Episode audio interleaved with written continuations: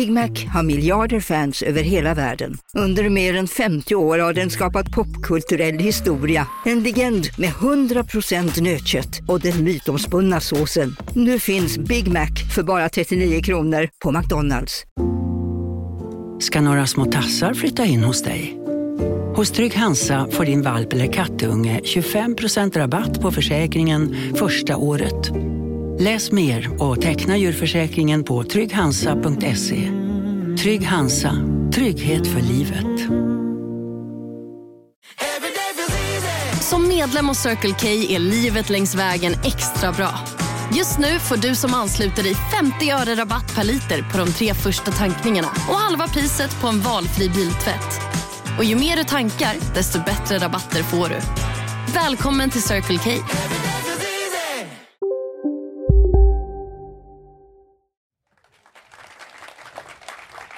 Det här är Kvartal i Almedalen 2022 och vi är i en härlig trädgård mitt i Visby. Vi har en publik här som har minglat en stund och tar del av kaffe, bullar och frukt. Har kaffet kommit? Ja, det, ja underbart. Mycket välkomna är ni. Kvartal är ju ett nätmagasin med både artiklar och ljudjournalistik. Båda benen är lika viktiga för oss, men under Almedalsveckan så märks kanske mest våra poddar. Eh, I förrgår var temat Folkviljan, Kvartals valsatsning tillsammans med Dagens Arena, Demoskop och Kulturhuset Stadsteatern. Eh, Jörgen Wittfeldt, Kvartals chefredaktör. Att vi på Kvartal är på plats i Almedalen, hur självklart är det? Ja men precis av det skälet som jag sa nu egentligen så känns det ganska självklart. Här i Almedalen pågår det en mängd sådana konstruktiva offentliga samtal och det vore ju konstigt om vi som har det här kredot inte skulle vilja vara med här och, och bidra till det. Mm. Precis som du sa när vi käkade lunch häromdagen tror jag det var att eh, det är en väldigt hård ton från talarstolen ibland men på de här seminarierna som man, eh, de flesta av er säkert har varit på, där är det ju ofta mycket mer konstruktiv och inte särskilt polariserad diskussion, tycker jag. Mm. Mm. Det är två olika stämningslägen kan man säga i seminarietälten och eh, när det är partiledare som talar. Eh, Kvartal hade ju en valsatsning också inför valet 2018, men det är lite större i år får man säga. Ja, eller i alla fall annorlunda. Den var ju stor kvantitativt. Vi rekryterade ju dig för att du skulle göra poddar nästan varje dag. Ja, det var väldigt stort naturligtvis. ja, det var väldigt stort. Eh, nej, men det vi, ska, det vi har kommit på i år som vi är väldigt nöjda med, det är att vi erbjöd alla partiledarna en timme hos Kvartal som de får göra vad de vill med. Eh, de måste spela fyra låtar och de eh, måste vara i huvudrollen själva. De får alltså inte skicka upp någon annan från partiet. Och eh, till vår stora glädje så är det ändå en majoritet av partiledarna som valde att nappa på detta. Ja, den där En sommartimme med Ulf Kristersson till exempel, en sommartimme eh, med Ebba Busch kommer att heta. Och det kommer på vår poddkanal då eh, under augusti. Men det var du som fick idén, eller hur Jörgen? Nej, det var inte jag, det var Frida, vår webbredaktör. Men jag ja. gillade verkligen idén, ja. så att jag utvecklade den. Men du, den här, vår valsatsning, vi kan ju tala lite grann tycker jag om det vi ska göra den 24 augusti också, eller hur? Mm, det var ju kanske huvudnumret i, i måndags lite grann. Eh, Folkviljan kickade igång då, det är väl vår stora valsatsning som vi gör tillsammans med Kulturhuset, eh, Stadsteatern i Stockholm, Demoskop och Dagens Arena. Och den 24 augusti bjuder vi in till ett stort Town Hall Meeting, eh, alla Amerika lite grann, där eh, politikerna, eh, talespersonerna i frågorna lag och ordning och utbildning, skola ska få svara på publikens frågor. Eh, försöka ha så lite journalistfilter emellan som möjligt. Och det är egentligen samma sak med den här sommartimmen. Vi vill ju gärna skapa så att säga kommunikation direkt mellan väljare och eh, politiker. Mm. Ska vi köra igång veckapanelen live nu? Absolut. Välkomna.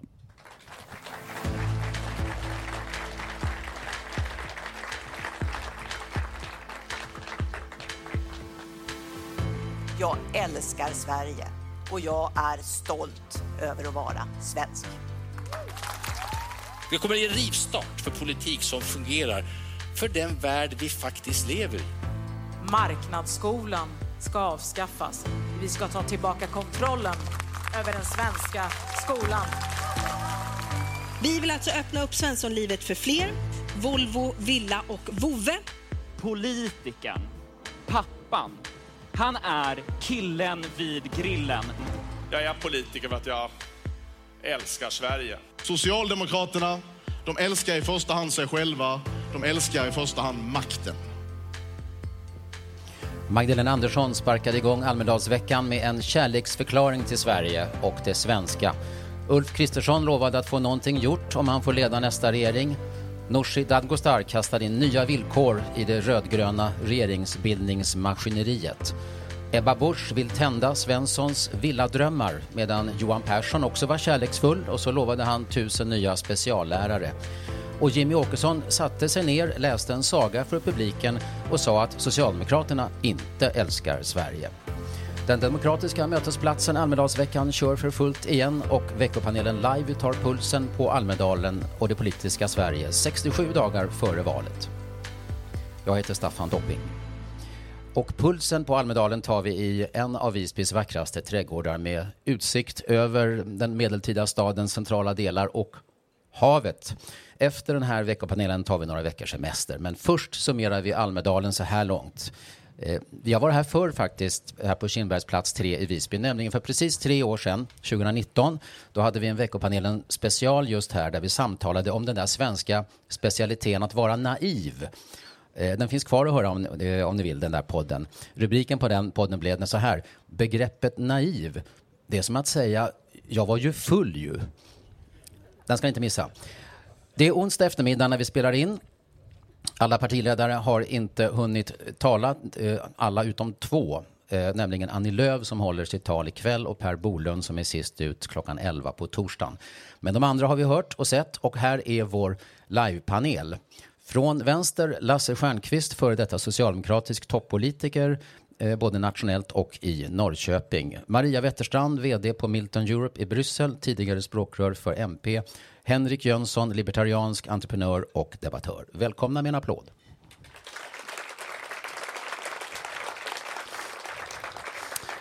Vad, vad säger ni om att vara återigen i Visby under Almedalsveckan? Hur är det Maria? Jag älskar Almedalen. Jag älskar eh, alla människor som är här som eh, kommer från diverse olika samhällssektorer, allt från intresseorganisationer och partier till eh, företag och kommuner och eh, universitet och eh, entreprenörer, vad det nu kan vara. Eh, det är fantastiskt att se alla dessa människor mötas över gränserna och eh, föra allvarliga, viktiga samtal om vad Sverige behöver göra, vad vi behöver göra. Eh, och jag blir sällan så inspirerad som när jag tillbringar några dagar i den här miljön, ska jag säga ärligt talat. Eh, Lasse Stjernkvist, är du lika mycket som fisken i vattnet här? Ja, jag, jag älskar eh, Miljöpartiet. Miljöpartiet?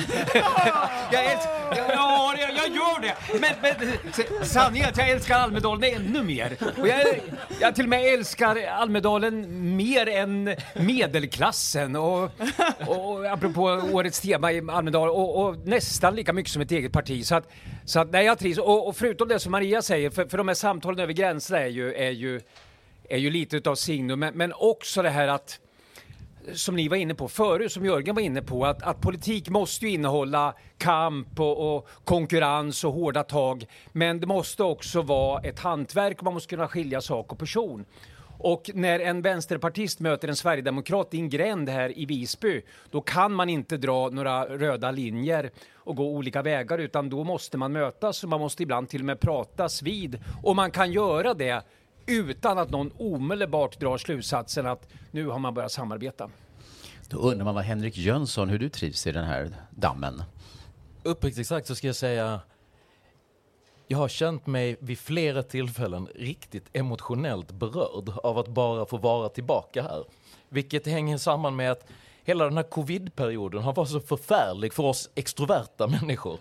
Aha. Så att, att få komma tillbaka hit och träffa så många positiva, roliga människor igen och samtidigt få det här gudomliga vädret, bara komma hit till er vackra trädgård här på Kvartal, gör bitvis rör mig nästan till tårar av glädje att få möta meningsmotståndare på ett respektfullt sätt och ha, finna en glädje i ett politiskt samtal i vackra miljöer med intressanta människor. Jag är jag är ta tacksam, är det jag skulle säga. Jag har ju varit så himla entusiastisk över att äntligen få göra saker efter två år av att sitta hemma. Så att jag har ju till och med lyckats eh, nästan dubbelboka mig här. Men eh, Mm. vi får väl återkomma till det mot så slutet. entusiastisk är du så att du... vi ska återkomma till Almedalsveckan och vilken roll den kan komma att spela framöver. Men vi börjar med det som är kärnan i den här veckan, eller navet, partiledartalen. Magdalena Andersson i söndags var först ut. 5 700 personer var samlade i den vackra parken.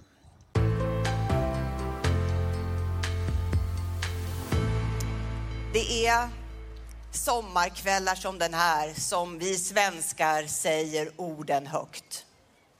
Sverige är fantastiskt. Jag älskar Sverige och jag är stolt över att vara svensk.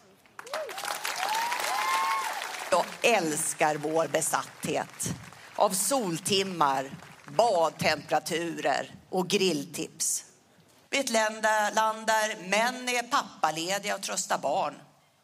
Ett land där kvinnor arbetar och kan bli statsminister. Sverige ska vara det Sverige vi älskar i varje bostadsområde, i varje kvarter. Och det är bara med en stark ekonomi som Sverige är robust nog att möta samhällsproblemen. Och de är stora. De hotar mycket av det som vi älskar med Sverige. Ja, Maria Wetterstrand, vad säger du om det här med partiledare som älskar Sverige? Vad är det som menas? Jag vet inte, men det verkar vara någon trend nu. Att man måste säga det. Att man älskar just Sverige av alla. Länder i världen. Det vore ju mer anmärkningsvärt om hon hade sagt något annat land. Så att eh, det var väl ändå, tycker jag, rätt väntat att det var just Sverige och ingen annan. Men eh, jag, på min tid, när jag höll såna här tal, eh, då var det ingen som pratade så tror jag. Faktiskt. Så det är lite en trend att man ska uttryckligen säga just detta. Ja, eh, Lasse Stjernkvist, varför väljer Magdalena Andersson att, att inleda så just i år? Nej, men dels är det väl som Maria är inne på att vi har överhuvudtaget liksom en trend där, där nationalismen har, har blivit en, en, ett politiskt vapen och, och då försöker Magdalena se till så att det inte bara blir, blir eh, Sverigedemokraternas eh, eh, fråga. Men, men sen tycker jag inte heller att det är så konstigt med tanke på att vi just nu genomför Almedalen mot en väldigt allvarlig fond av, av krig i vårt närområde och då, då tycker jag, jag nästan förväntar mig att, att alla ändå ska betona det som, som, som gör oss till, till svenskar och som, som gör oss stolta över det land som vi har, det som förenar oss. Jag tycker det, det känns väldigt logiskt i det här läget. Henrik Jönsson? Jag, jag skulle säga att det här är en övergripande makrotrend. Om man tittar på alla partiledarnas tal hittills så har de uttryckt sig på ett sätt som hade varit eh, faktiskt helt otänkbart för bara ett par år sedan. Jag menar, halva Almedalen fick frispel när Ebba Busch hade en eh, svensk flagga bakom sig för ett par år sedan om ni kommer ihåg. Det, det hade nog varit helt legitimt idag. Men jag, jag tror precis som, som du säger, jag tror det där hänger ihop med det faktum att vi är i en väldigt skakig tid nu. Mycket har ändrats för oss svenskar, från NATO-medlemskap till eh, en, en ganska osäker ekonomisk situation och annat. Och i tider av den typen av osäkerhet så tror jag att folk kanske söker efter olika typer av bitvis kanske nostalgiska eller romantiska gemenskaper. Men jag, jag tror att det är det som Men jag, uttrycks. men jag tror i så fall, om det vore så att hon var ute efter någon form av så nationell samling och en känsla av samhörighet och vi är alla tillsammans mot den onda omvärlden och så, så tyckte jag inte riktigt att hon upp, följde upp det i sitt tal senare, för det var ju ganska polemiskt. Det var ju inte så att det, att det var alla vi tillsammans, utan mer att, eh, att eh, Socialdemokraterna var liksom vi och alla de andra dumma, de som eventuellt tänker rösta på något annat göra? parti. Så att, ja, men, ja, men jag undrar om hon inte faktiskt skulle kunna ha vunnit en del på att köra ett tal som var mycket mera just syftade till att vi alla skulle känna att vi är en del av det här landet oavsett om vi har bott här länge eller om vi har bott här en kort tid och kommit hit nyligen som flykting från Ukraina eller om vi kom hit på 70-talet ifrån Latinamerika och pratat om liksom Sverige som någonting som vi alla bär gemensamt och ett ansvar som vi alla har. Men det gjorde hon ju faktiskt inte utan hon sa ju bara att hon älskar Sverige och sen gick hon ganska rakt på polemiken och anklagelserna och, och det gamla vanliga. Liksom. Mm. Eh, sen så var det dags för moderatledaren.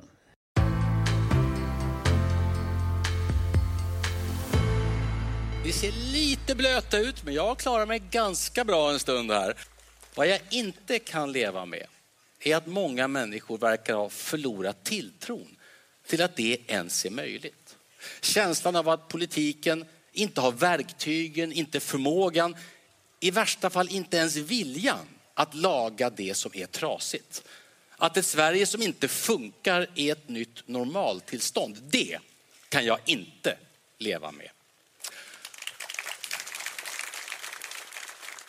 Ulf Kristersson han kallar den andra sidan för vänsterkartellen. Och jag märkte att eh, Magdalena Andersson säger de högerkonservativa. Eller hur? Det är de nya termerna nu som används vad jag förstår.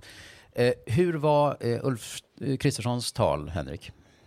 Jag tyckte att han gjorde ett ganska habilt jobb, men det var tämligen aggressivt. Alltså det är helt tydligt, tycker jag, att vi, vi är i en fas av valrörelsen nu där de vässar knivarna från båda håll. Det är jämnt skägg, alla är stressade, båda regeringsalternativen är lite konstiga. Eh, försöken att differentiera sig går genom bitvis traditionella riktlinjer. En, en grej jag tänkte på, jag har ett citat här från Ulfs tal, där, där han säger så här. Jag kommer inte bara att säga nej till vänsterkartellens alla skattehöjningar. Inför nästa mandatperiod, vi går till val på ett skattehöjarstopp. Vi ska stoppa det. Och, och skatterna ska stoppas från att höjas ända tills vi vet exakt vilka saker de ska gå till. Och den, den, den där sista biten tyckte jag var en fascinerande grej. För det är, så att, är det så att vi inte vet det? Alltså, det, det, det är ett extremt allvarligt läge. Ja, det, var någon, det var någon jag diskuterade med idag, som så, som, eller igår kanske det var, som sa just det. att, Ja, men det är ju så oklart vad alla de här skattepengarna går till.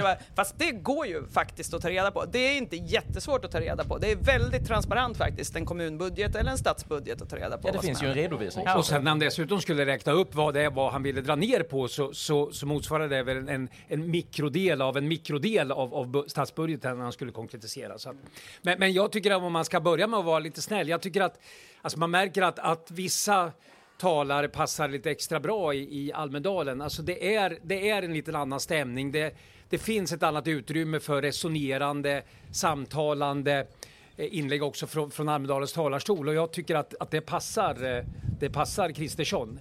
Eh, så, så tekniskt så ger han hög poäng. Sen har jag väl en del synpunkter när det gäller innehållet möjligen och för att och spela vidare på det som Henrik är inne på. Alltså, jag tycker det kännetecknar alla tal hittills att alla pratar som om de som om det var möjligt att skapa ett regeringsunderlag som alla vet inte finns. Och det där blir på något sätt som lyssnare lite absurt. När, när den här regeringsfrågan ligger som en våt filt. Ingen pratar egentligen om det, men indirekt pratar alla om det. Men man gör det på ett sätt som liksom är helt orealistiskt. Det, men det du sa Lasse om, om Kristerssons tal, är han, är han på något vis statsministerlik även om det är en politisk motståndare? Nej, men jag tycker det. Jag, jag, jag tycker att, att eh, oberoende liksom av, av, av innehållet i politiken så, så eh, uppskattar jag politiker som, som kan resonera, som kan tänka högt, som kan som kan ändå se bristerna i den egna argumentationen, erkänna dem och, och bemöta de bästa argumenten. Och det, eh, mot sina egna förslag. Och det tycker jag att, att Ulf Kristersson i många sammanhang är duktig på. Att, att på det viset föra resonemang som gör att man, även om man inte håller med, så förstår man i alla fall hur han kom fram till den där slutsatsen. Jag tycker dock att båda, skulle jag vilja säga, statsministerkandidaterna har en tendens att mer fokusera på att de andra är dumma än att de själva är bra. Och jag tycker det där är ganska signifikant och jag tror tyvärr att det riskerar att göra väljarna mycket mindre entusiastiska för att gå till valurnorna. För om det enda som är liksom poängen med att man röstar på den ena är att man inte får den andra, Eh, då, då blir entusiasmen lite bristande tror jag. Och det blir ju ännu tydligare när en del säger att kan ni inte låna ut min röst? Som, om, om, som, som ju var, vi- som vi kommer till sen. Men, men alltså, det är som om, om det här inte är på riktigt utan du kan liksom chansa och, och, och det är inte på allvar. Det finns en ångervecka. Fast du, det, det här är en sån här äganderätt-grej vi på högern har. Att man, man, man bara lånar ut den så får man tillbaka den för att man äger sin röst. Fast jag är osäker om man kan få tillbaka sin röst om man, röstar, om man tycker att man har röstat fel på valdagen. Alltså det, det, jag tror inte det funkar riktigt. Det känns som att värdet på en röst är avsevärt högre före valdagen än vad den är efter. Om man säger. Den tredje talaren i Almedalen heter Nooshi Dadgostar och eh, det var hennes debut här.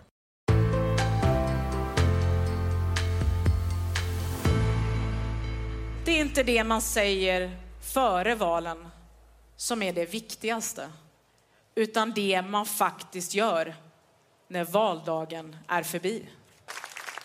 Därför har Vänsterpartiet idag lagt fram en konkret plan för en skola fri från vinstintressen. Det här måste vi komma överens om innan en statsministeromröstning. Ja, det här var väl kanske inte helt oviktigt det som Dadgostar förde fram här, alltså villkor då för att alla partier som eventuellt då ska rösta fram Magdalena Andersson om det blir ett sådant resultat ska före omröstningen lova att de går med på att det är stopp för, för vinster för, för i, i, i skolan, ganska generellt. Eh, Maria Wetterstrand, vad, vad, vad betyder det här? Vad innebär det här? Det är svårt att veta det eh, förrän efter valdagen tror jag, men eh, det låter, om man säger så här, om man bara lyssnar på talen här i Almedalen, då skulle man ju tro att Vänsterpartiet och Socialdemokraterna var helt överens om att man skulle stoppa eh, friskolor som drivs av företag. Men i praktiken så ser det ju inte riktigt ut så. Eh, och eh, Magdalena Andersson gick till väldigt liksom, hårt angrepp till, mot privata intressen inom välfärden fast har ju egentligen kanske inte så superskarpa förslag för att göra det, medan vänstern har det.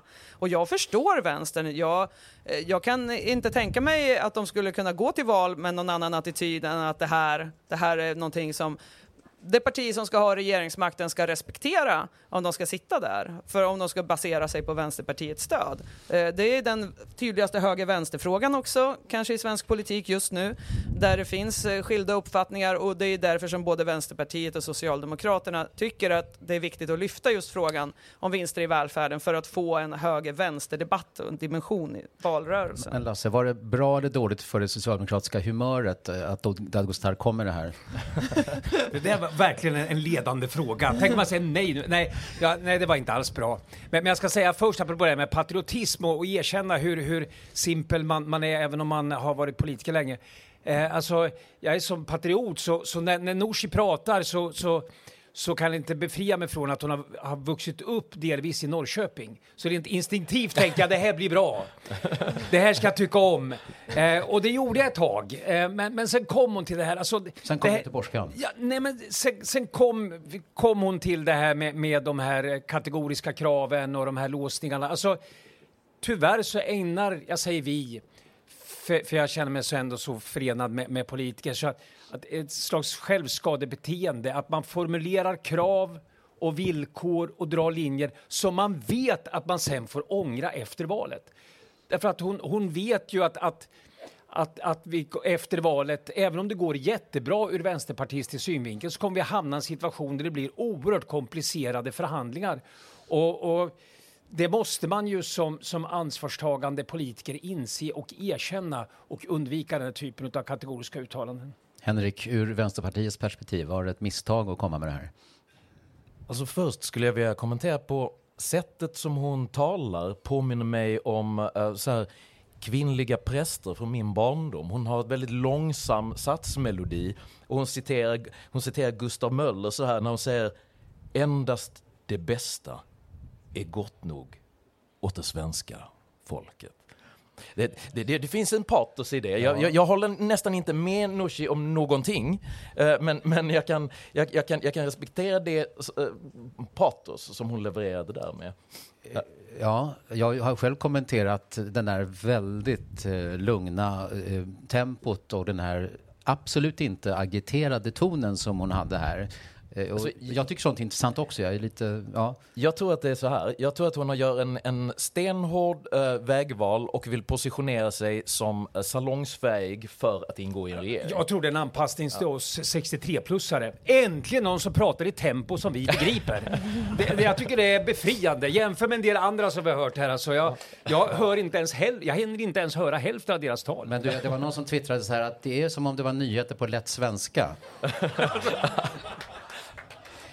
Men det här betyder ju, för Centerpartiet då, hur, hur kändes det i, i, i magen för Centerpartisterna när det här kom in? För Centerpartiet, Maria, eh, gillar ju inte vinstförbud. Nej, det gör inte jag heller. De älskar väl motsatsen till vinstförbud? Ja, eh, jag, jag, vet, inte, jag kan identifiera mig lite med Centerpartiets ståndpunkt i de här frågorna. Mm. Eh, och eh, ja, men då känner man så här, nej men de tänker jag inte rösta på den här gången heller tänker jag.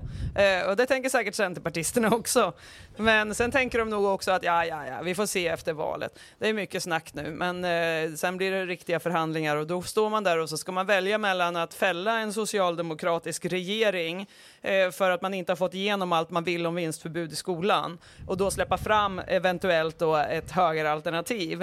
Eh, och, och då tror jag då blir det liksom lite mera konkret. Och jag har ju själv varit i en sån här situation ska jag säga också, för 2002 efter valet, då hade vi, då hade vi i valrörelsen sagt så här, vi ska inte förhandla med Moderaterna och Kristdemokraterna.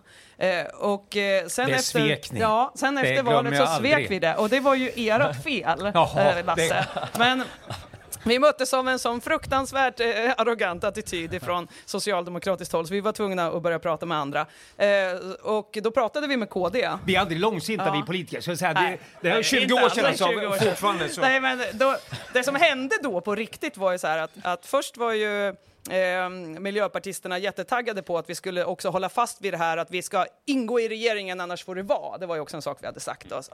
Eh, men sen liksom med tiden så släppte de ju lite på det och det kan vara mycket väl vara så med Vänsterpartiets väljare också att dra det där ut på tiden, man ser tydligt vad alternativet är så kan hon kanske ändå med heden i behåll göra en uppgörelse där hon får igenom en liten bit av det hon vill. Jag tycker vi går till Kristdemokraterna nu. Idag vill jag tala om Svenssonlivet och om en känsla som finns hos många i vårt land. En känsla av att något håller på att gå förlorat. Att det blir allt svårare att genom eget arbete skapa sig ett gott liv. Att det blir allt svårare att uppnå de där, de där tre vena ni vet.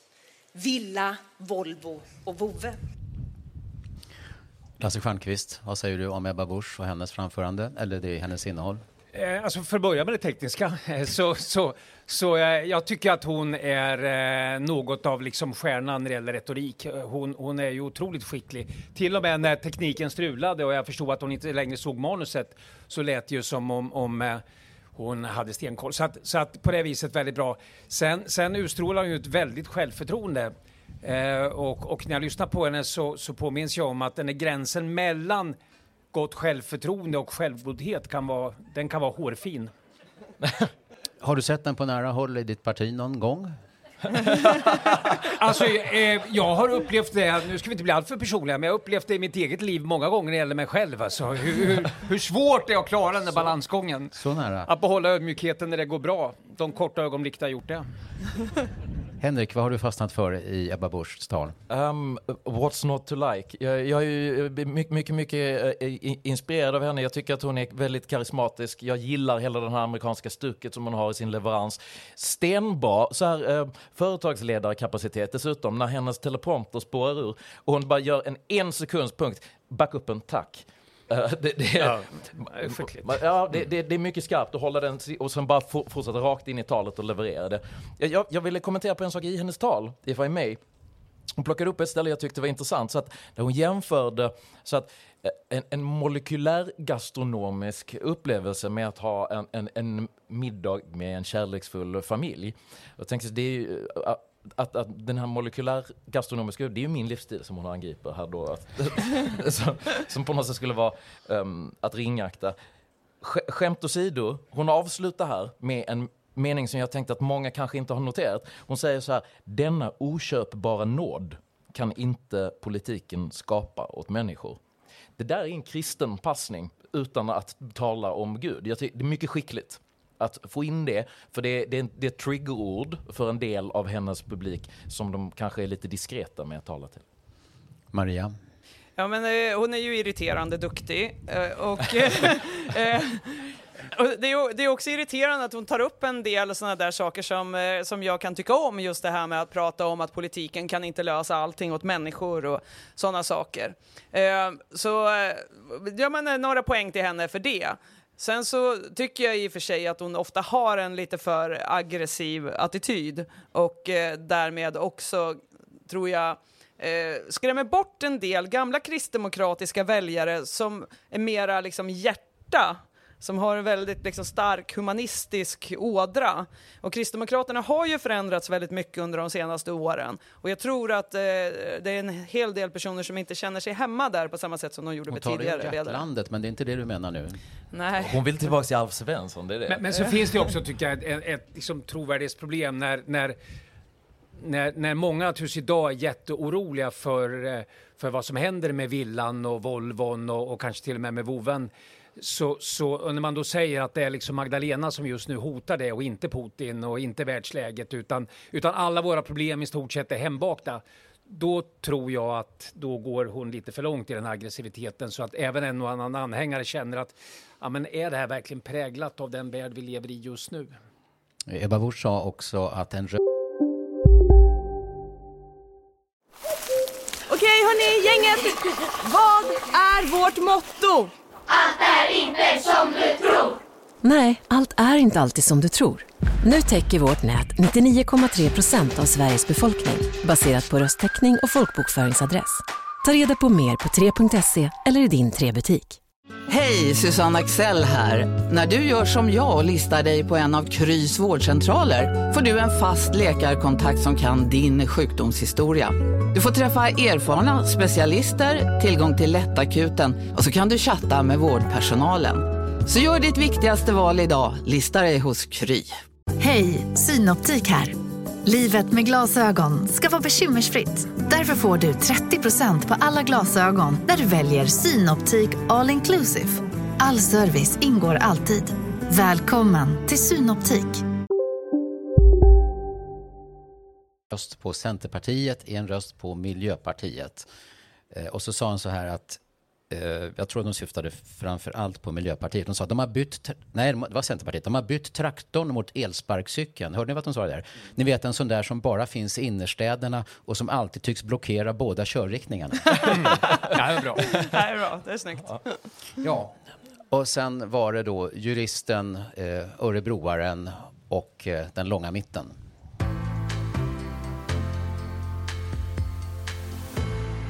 Politikern, pappan, han är killen vid grillen. Välkommen upp, Johan Persson! Vad kul att ni är här. Jag är politiker för att jag älskar Sverige. Jag eh, vill medverka till att bygga ett nytt Sverige med en politik i den breda mitten. En politik för de mest utsatta, de som behöver mer hjälp att växa sin frihet, kanske allra mest. Johan Persson i Almedalen, ja nu är det, nu är det brett igen, och, och, och, eller medelbrett kanske. Eh, Den breda medelklassen talade han om. Och så ökar han betoningen på att Liberalerna är ett skolparti och ska finansiera tusen eh, extra speciallärare. Men han talade faktiskt också om den breda mitten. Eh, Maria, vad, vad, Mm. Ja, men den vill han ju inte ha. Jag förstår inte, det är fullständigt obegripligt. Han vill ju inte ha någon bred mitten, han vill ju bara ha de där som ligger långt till höger. Så vad ska han, med, vad ska han prata om den breda mitten för? han kanske tycker att han själv... vad- vad- Lasse, vad tror du? Nej, men han, han, eh, han, eh, för det första så tycker jag att alla, eller väldigt många, har just pratat om medelklassväljarna. Det är liksom det, det är de hippaste just nu eh, bland politiker. Men, men, eh, nej, men han försöker sig för ändå på någon slags konststycke att, att vara lojal med den linje som han dessutom själv tror på. Att, att vara tydlig i regeringsfrågan och tydligt ge sitt stöd till Kristersson. Men ändå fortsatt vara den här garantin för att politiken inte drivs allt för långt åt höger. Men, men han har ju väldigt svårt att översätta liksom den där kombinationen till någon slags praktisk handfast politik. Jag tror inte att det räcker med fler speciallärare för att leda bevis att han verkligen kommer att vara den där som, som ser till så att det inte glider iväg. Men vad är ditt tekniska betyg på Johan Persson?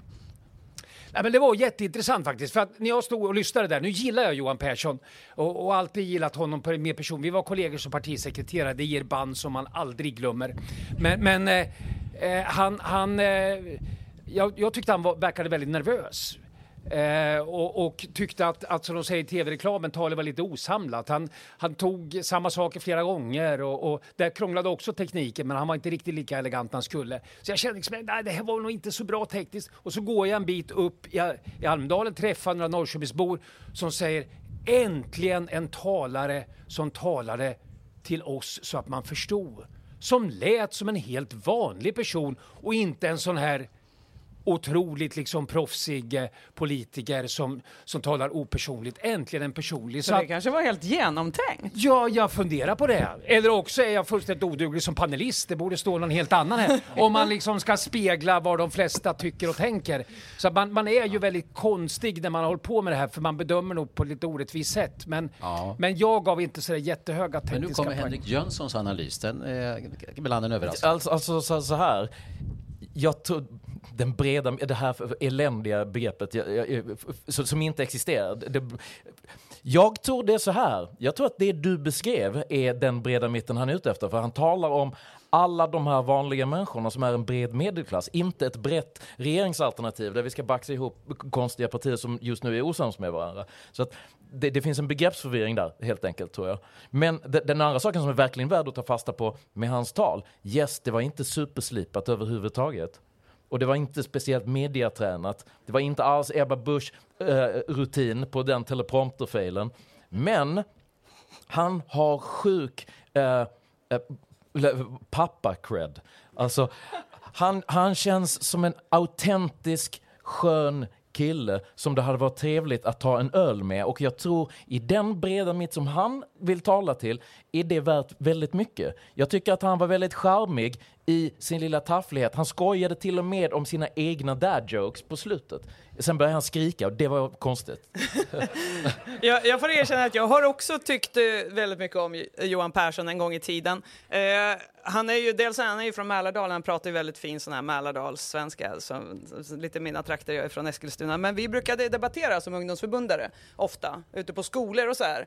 Och eh, på den tiden var ju han verkligen en företrädare för liberalismen. Och jag är ju väldigt svag för liberalismen, och har alltid varit. Så då gillade jag honom jättemycket, men sen så eh, satt han i justitieutskottet och sen blev det bara liksom hårdare tag och mera batonger och hårdare straff och såna här grejer för hela slanten. Så att jag, jag, jag kanske gillar honom lite för hans dialekt fortfarande, men något mindre med det politiska innehållet. Alltså han ger ju oss lätt överviktiga män en, en, eh, en, ett hopp om framtiden. Så, att, så, att, så, så på det viset så, så eh, tycker jag, men, men han, jag tycker han, det är ändå lite intressant det här med Liberalernas uppgång att att det här anslaget i en tid när det är så polariserat och det är ett ganska hårt politiskt klimat så uppfattas det som oerhört befriande hos i alla fall en del.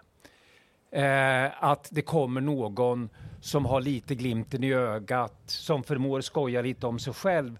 Och det kanske säger någonting om, om honom, men det säger också någonting om den tid vi lever i. Och, jag, och är det det som har gett Liberalerna en, en procent mer i opinionsstöd, då är jag till och med beredd att tycka att det är bra.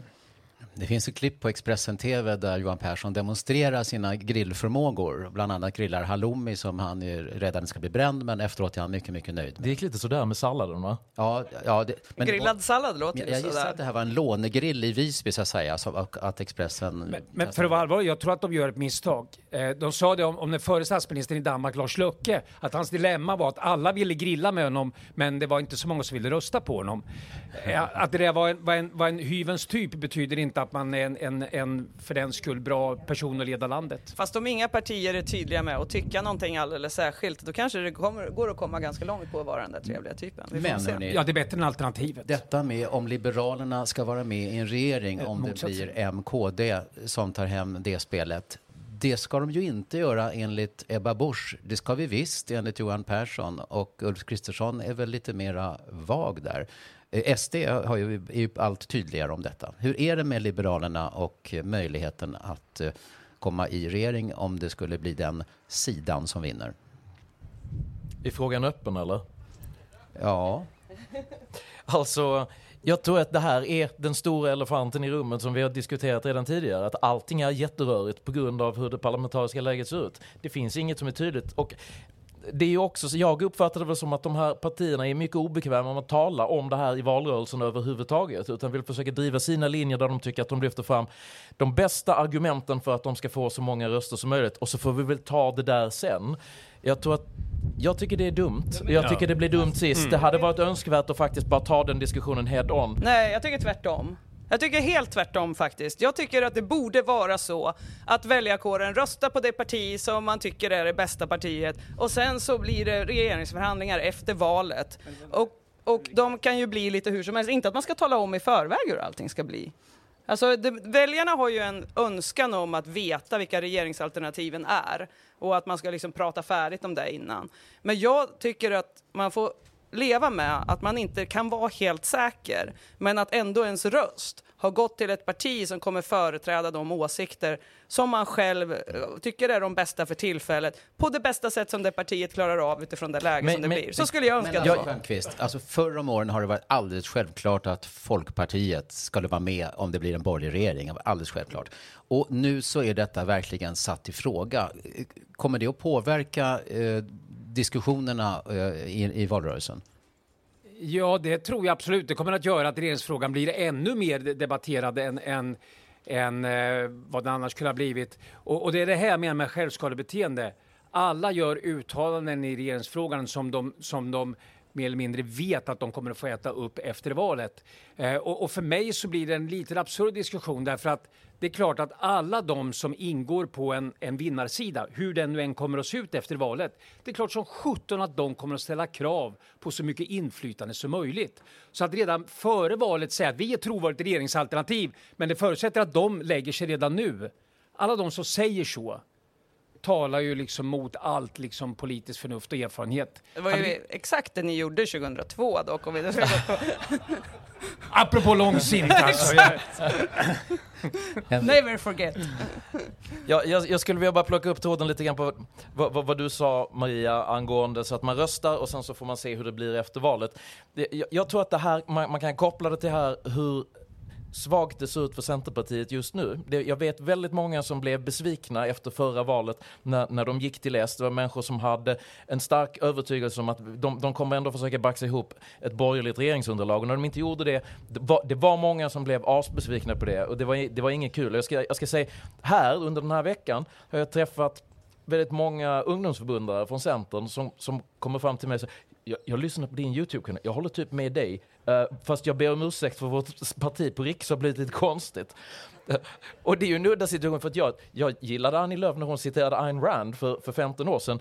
N- nu är hon någonting mycket konstigt som jag tror till de, viss del är ett resultat av det här grisen i säcken. Efter valet får du veta vad det egentligen Ja, var jag, du röstade på. Alltså jag, förstår, jag förstår den synpunkten och jag vet att den är väldigt utbredd, men jag skulle vilja vänja om välj, väljarkåren på den här punkten.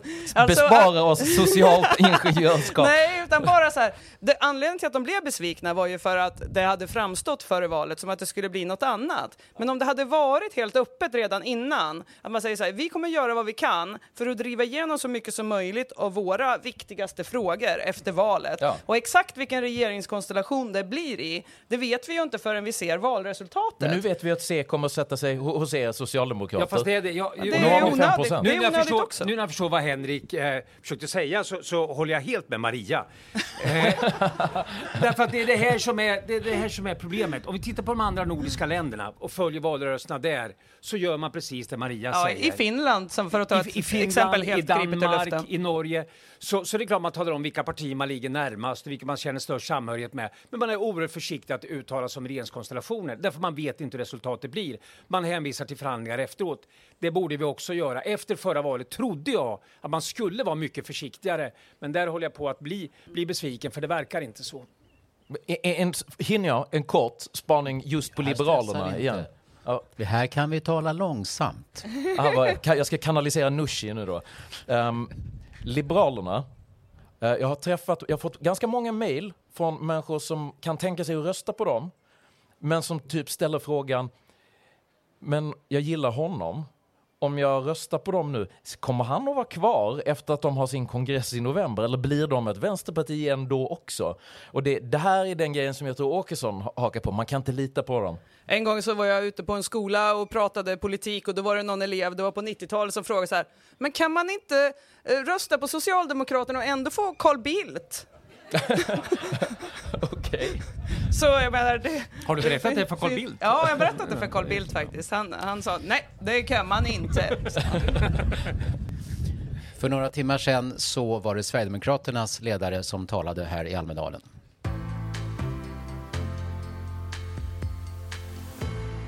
Den makthavare som älskar Sverige, den använder sin makt till att göra Sverige till det goda hemmet för alla medborgare. Socialdemokraterna, Magdalena Andersson, de älskar inte Sverige. Det borde stå utom allt rimligt tvivel efter de senaste åtta årens brutala hantering av vårt land. Socialdemokraterna, de älskar i första hand sig själva, de älskar i första hand makten. Som alla förstår är det här bara en liten del av Jimmy Åkessons tal. Och det här var att, såg du det här talet, Lasse Stjernkvist? Jag såg och jag lyssnade. Ja, och eh, vad tycker du? Eh, först tekniskt, eh, också väldigt, väldigt skicklig talare, eh, retoriskt. Men, men jag tycker han, hans tal beskriver ju det som ändå kommer att bli den stora svårigheten med att bilda en regering med, med hjälp av Sverigedemokraterna. Därför att det är klart att det är väldigt många enskilda sakfrågor ligger nära Liberalerna och han ligger nära Moderaterna. Men det som ändå är fundamentet i ett samarbete, det är att man har en likartad analys av hur, hur verkligheten ser ut och vad som har orsakat de problem som vi har. Och det här att, att framställa invandringen som, som all, alla problems urmoder i alla lägen, det kommer ju förr eller senare att göra det otroligt svårt för partier att samarbeta som, som ju har en... Det finns ju inget annat parti som har den typen utav, av, av, av analys utav, av hur verkligheten ser ut. Henrik Jönsson? Jimmy Åkesson sitter mot en väldigt stor fond där det står det ska bli bra igen. Och han öppnar med att läsa en saga då. Um, jag, jag skulle säga som, som rent dramaturgiskt så har han ett väldigt starkt game. Um, därför att han tar axlar positionen ganska bra som en slags landsfader. En apokalyptisk landsfader också då. För att han målar ju verkligen upp en, en, en, en väldigt, väldigt uh, aggressiv polemik. Um, och det kan man ha synpunkter på. Men han är ganska rolig. Alltså han har plockat upp de här stenbumlingarna som ligger på bordet för han använder Magdalena Anderssons retorik då. Sen så tar han de här stenarna en efter en och vänder på dem och slänger ner dem. Så att bildspråket, inramningen, framställningen tycker jag är eh, mycket skickligt. Ehm, sen vad det gäller just de apokalyptiska undertonerna jag delar inte nödvändigtvis hela den analysen, men på det hela taget, jag tycker att han gjorde bra ifrån sig och fick säkert eh, gehör i sin målgrupp. Ja, men så, så länge de frågorna är väldigt högt upp på de frågor väljarna prioriterar, då är det klart att då är det ju säkert ett eh, rätt bra koncept att köra hårt på det. För det är ju också den fråga där eh, eh, de har sin profil så att säga. Så att eh, utifrån ett rent eh, partiegoistiskt taktiskt perspektiv så är det säkert bra. Men jag hoppas och tror att det finns både humanistiska moderater och eh, kristdemokrater med stora hjärtan och verkliga liberaler i de här andra tre partierna som tar avstånd från det här och ser att det är fullständigt självklart att inte det partiet ska finnas med i en regering. Alltså, jag tänkte på det här med att vara rolig. Alltså jag, jag tycker överhuvudtaget att vi har för lite humor i politiken. Därför att, att humor är en, liksom en nödvändighet om man, om man om man ska ha lite distans till sig själv och, och, och förmår lösa svåra samhällsproblem, då måste man ha lite glimten i ögat. Därför tycker jag vi, vi, vi saknar humor i politiken. Men, men när jag lyssnar på Jimmie Åkesson, jag har jättesvårt att se det roliga. Där tycker jag det slår över till elakhet varje gång han försöker. Eh, det, det, det, blir, det blir ett knytnävsslag Henrik har lite elak humor. Ja, jag, jag ska säga, jag var faktiskt, jag var ju och grillade korv med Jimmy Åkesson för ett par veckor sedan när jag gjorde en intervju hemma hos. Liksom. Vi pratade om Jimmy Åkessons skolpojkshumor. Han sa, passa dig du i dina snobbiga kläder för min korv sprutar jävligt mycket. Jag tänkte, där får vi klippa som bort. Sagt, som sagt, alltså. ingen Ja. humor. Ja. Jaha, okej. Här klipper vi ingenting. Ehm, två partiledartal återstår. Det är Annie Lööf senare idag och Per Bolund. Alla, alla talar ju om, om Annie Lööf här och om Centerpartiets kräftgång och sådär. Vad, vad tror ni, kommer Centerpartiet att behålla sin nyckelroll i svensk politik, även om de stannar vid cirka 5 eller 6 procent som de verkar ligga på nu? Jag tror att det här talet är viktigt för Centerpartiet faktiskt. Det kan vara det parti som det är viktigast för, förutom MP då, som ju har eh, den här kampen mot 4 spärren. Så jag tror att eh, det är så att Annie Lööf är en oerhört eh, duktig politiker och hon är en jätteduktig talare också. Och jag tror att hon står för många åsikter som, eh, som människor delar, men om hon inte lyckas framföra det, då kan det nog vara så att en och annan knatar över till Johan Persson. Mm. Vad tror du, Lasse? Alltså det finns ingen återvändo nu. Det, att, att byta strategi sju dagar före valet, det, det, det tror jag inte någon gör. Eh, sen finns det ju en paradox. Alltså, ska man tro på de här Zoom-mätningarna, och det gör jag, så, så finns det ungefär 30 procent av väljarkåren som säger att ja, jag är nog egentligen varken höger eller vänster eh, utan står nog i mitten. Alltså borde det finnas en jättemarknad för, för hennes linje. Problemet är att vi har en dramaturgi i svensk politik som gör att om du inte tar ställning i regeringsfrågan så blir du, så blir du väldigt lätt irrelevant. Och det är hennes liksom dilemma. Men, men det finns inget det finns ingen återvändo. Hon måste försöka hitta de där 30 procenten och övertyga dem om att det blir bra trots att ni, eller när ni röstar på mig. Hur ska Miljöpartiet eh, fixa det här, Maria? Jag tror att det är klimat och miljöfrågorna förstås som är Miljöpartiets starka punkt fortfarande i politiken och det kommer att vara väldigt mycket det som är i fokus i det tal som vi kommer få höra imorgon. Språkrören har jättelågt förtroende. Mhm, ja. Månad ut och månad in. Ja, och en valrörelse är ju en chans att få vara mera i media än vad man får mellan valen. Så lyckas man där så tror jag att det finns goda chanser att eh, klara spärren för Miljöpartiet. Hörrni, lite om Almedalsveckan allmänt då. Det här är ju dels premiär för ett nytt koncept när man har två partiledartal per dag, utom första dagen och sista då det bara blir en. Men veckan är, är kortare. Det, det, ja, Intellecta är ett företag som har bevakat Almedalsveckan i många, många år och gjort såna här eh, nyhetsbrev och sånt. Och de, de skriver så här på sin hemsida. Almedalsveckan har alltid varit fyra dagar oavsett vad arrangören har sagt. För de som kommer hit det är väldigt få som är här mer än fyra dagar. Men nu är det så att säga fem dagar. Och vad, hur har det funkat det här nya konceptet, eh, Maria? Jag tycker att det har funkat eh, över förväntan faktiskt. Jag tycker det har varit bra. Och eh, jag tror att det ger lite mer rättvisa villkor så att säga för partierna då eftersom man trycker ihop det och det är ingen som har den där sista söndagen, ingen människa är kvar och sådär. Eh, och ehm, det som ändå, är- jag älskar ju Almedalen som sagt så att jag tycker ju det är lite tråkigt att det är kortare för att det finns inte lika många dagar att eh, umgås med människor så det blir lite stressminglande och eh, alldeles för många som man skulle vilja sitta en timme med som man inte hinner. Så det är väl rent på det personliga planet. För alla andra har det funkat bra. Det är en svårare arbetsmiljö för oss eh, extroverta som Henrik säger. Eh, men men för, för alla andra så är det nog bra. Detta är en demokratisk mötesplats. Den är liksom lyft till skyarna som en otroligt viktig del i vår demokrati. Några kanske tycker att det är en överdrift, men det har varit frågetecken på om det här ska överleva. Hur blir det, eh, Lasse och sen Henrik? Eh, den kommer att överleva därför att slutsatsen av en sån här vecka är ju att vi behöver inte mindre av Almedalen utan vi behöver, vi behöver kanske inte en längre Almedalsvecka men vi behöver mer av Almedalen i den, i den vanliga po- politiska vardagen. Eh, så att jag, jag tror att de allra flesta som är här och de politiker jag har träffat säger ju allihop att, att oh, vad skönt att komma tillbaka och hitta liksom tillbaka till en plats där man mer kan resonera och samtala snarare än debattera. Så att den här Almedalen kommer att finnas kvar. För det var en trend i flera år att många politiker, framförallt de främsta rikspolitikerna, faktiskt tyckte att eh, det var mer riskabelt än, än nyttigt att vara i Almedalen. Och eh, om man var här så var man bara på det Jo, seminariet. men det, det var ju... Det, det var ju Seriesemina- seminarister så Ja, säga, som, och- inte, som inte träffade folk i gränderna. Nej, därför att man hade en uppfattning om att, att det var lobbyister som, som försökte övertyga varandra och de hade tagit över Almedalen. Men, men vi som har varit här varje år sedan vi blev frälsta och förälskade som Maria säger, vi har ju upptäckt att nej visst, det finns många lobbyister här, men det som kännetecknar Almedalen det är att det är massa människor som har olika positioner i samhället, som samtalar med varandra.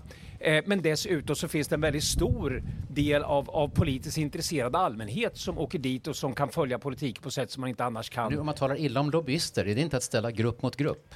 Jo, men det finns vissa grupper som får stå ut med det. Så att, eh, men, och det är inte prata illa. Det, det skulle, alltså, eh, det, det är ju inte bra om, om, om en viss kategori tar över det här arrangemanget, tränger ut partierna, tränger ut allmänheten. Men så har det aldrig varit. Jag så tror, är det inte. Jag tror att det är viktigt att komma ihåg också att Almedalen är ju inte organiserat av någon.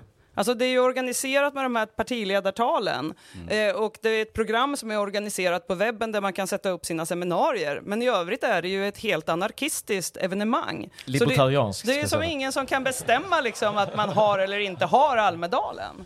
Eh, Det är klart, om partiledarna slutar komma, då kanske det är lite dra ner Ni kanske det förstår hela, nu varför men- det inte alltid var så lätt att förhandla med Miljöpartiet, alltså ett anarkistiskt parti. Va, som, Jag älskar den anarkistiska Almedalen, men jag är inte anarkist, Lasse. Men, men ni, har, ni har noterat att det är mindre folk här. Alltså jag jag Ja. var, var nere och gick med några eh, kompisar häromkvällen och, och, som, som är veteraner som har varit här väldigt länge. Som, så att, och det, det är som att apokalypsen har varit här för att Fast det, var, alltså, det var så jag- lite folk. Jag var ju i Almedalen på den tiden man sa, då kan vi inte ha ett seminarium, för då är det någon annan som har ett. Så att det är inte riktigt så att det inte är några människor här längre. Vi ska, För- för- för min del har det varit vi ska trevligt. hinna med en annan sak som faktiskt inte är en ren Almedalen-nyhet också.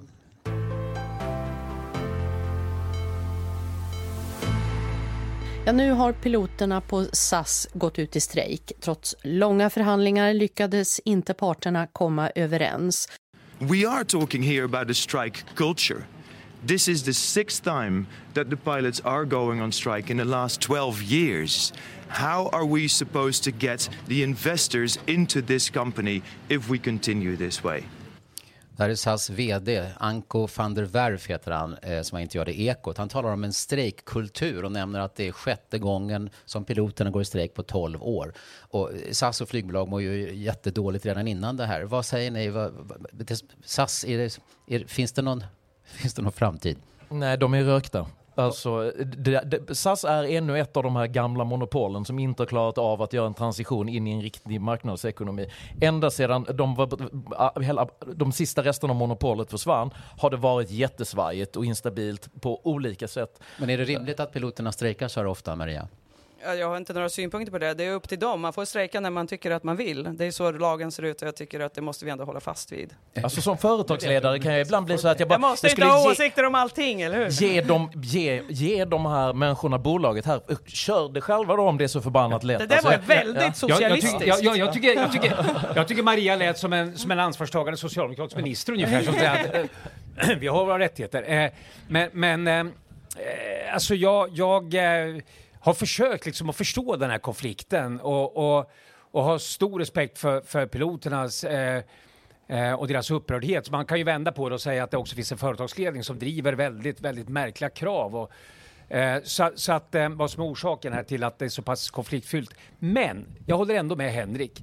Alltså jag, jag, jag tror också att det här är någon slags eh, process som, som eh, gör att det blir oerhört svårt att, att rädda företaget. Och, och det kommer inte innebära att vi slutar flyga och det kommer inte innebära katastrof. Eh, visst finns det ett pris, men, men, eh, men det är nog svårt att se något alternativ. Nu finns det en som har lite brådis här som heter Ja, det är Maria, jag. det är Maria- Maria Wetterstrand. Mm. Eh, Och eh, så kan det vara i Almedalen. Vi ska, tänkte jag, avrunda med Almedalsveckans ord. Eller möjligen Almedalsveckans person. Men Almedalsveckans ord det kan ni få eh, bidra med och sen så kan du pysa iväg när det passar, Maria. Ja, nej men det är ju så svårt det här med att hitta på ord som passar. Och eh, det får väl ändå vara eh, klimatförändringarna. För det har varit så extremt varmt här den här veckan. Och vi Det kanske inte snabbt, bara kan skylla på koldioxidutsläppen. Men eh, med tanke på vad som händer runt omkring i världen och Europa så får det bli det. Mm. Och Lasse? Alltså det blir nog eh, medelklassväljare. Eh, ska man liksom försöka hitta någon så, gemensam tråd i det som har sagts ifrån talarstolen så, så ehm, är det nog det som har förenat talarna, att man har pratat till. Sen definierar man medelklassväljare allt ifrån lastbilschaufförer till, till eh, ja, läkaren och alla andra. Men, men eh, ändå, någon slags mitten i den meningen verkar vara framtiden. Henrik? Ja, jag, jag skulle säga i en tid som präglas av tilltagande osäkerhet vänder sig folk gärna till olika typer av gemenskaper. Och jag tror att den röda tråden som har löpt genom hela veckan och genom partiledarnas tal har, har varit just att ta fasta på en form av gemensamhet för, ur olika perspektiv. Men när jag stod och lyssnade på Liberalernas tal och han började prata om att jag vill också vara stolt över att vara svensk. Jag har aldrig umgåtts med de där känslorna. Jag är inte någon stor nationalist personligen. Men solen lyste över tinnar och torn på de här eh, vackra gamla husen. Och jag, jag, jag, kände då vad jag bäst skulle beskriva som en fosterlandskärlek. Um, och kanske det är någonting man kan ta fasta på. Att vi alla olika svenskar här den här veckan har någon slags gemenskap här och även ideologiskt och politiskt inför varandra och inför vårt land. Mina damer och herrar, veckans livepanelister Henrik Jönsson, Maria Wetterstrand och Lasse Stjernkvist.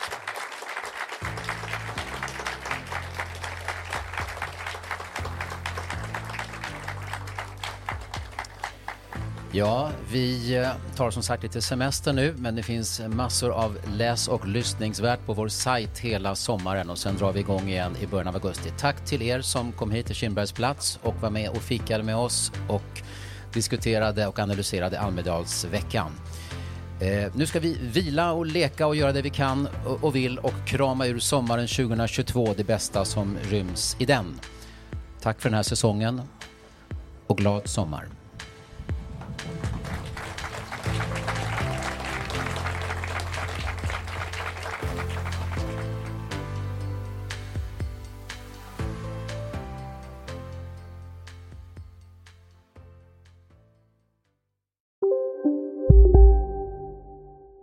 Välkommen till Maccafé på utvalda McDonalds restauranger med Baristakaffe till rimligt pris. Vad sägs om en latte eller cappuccino för bara 35 kronor? Alltid gjorda av våra utbildade baristor.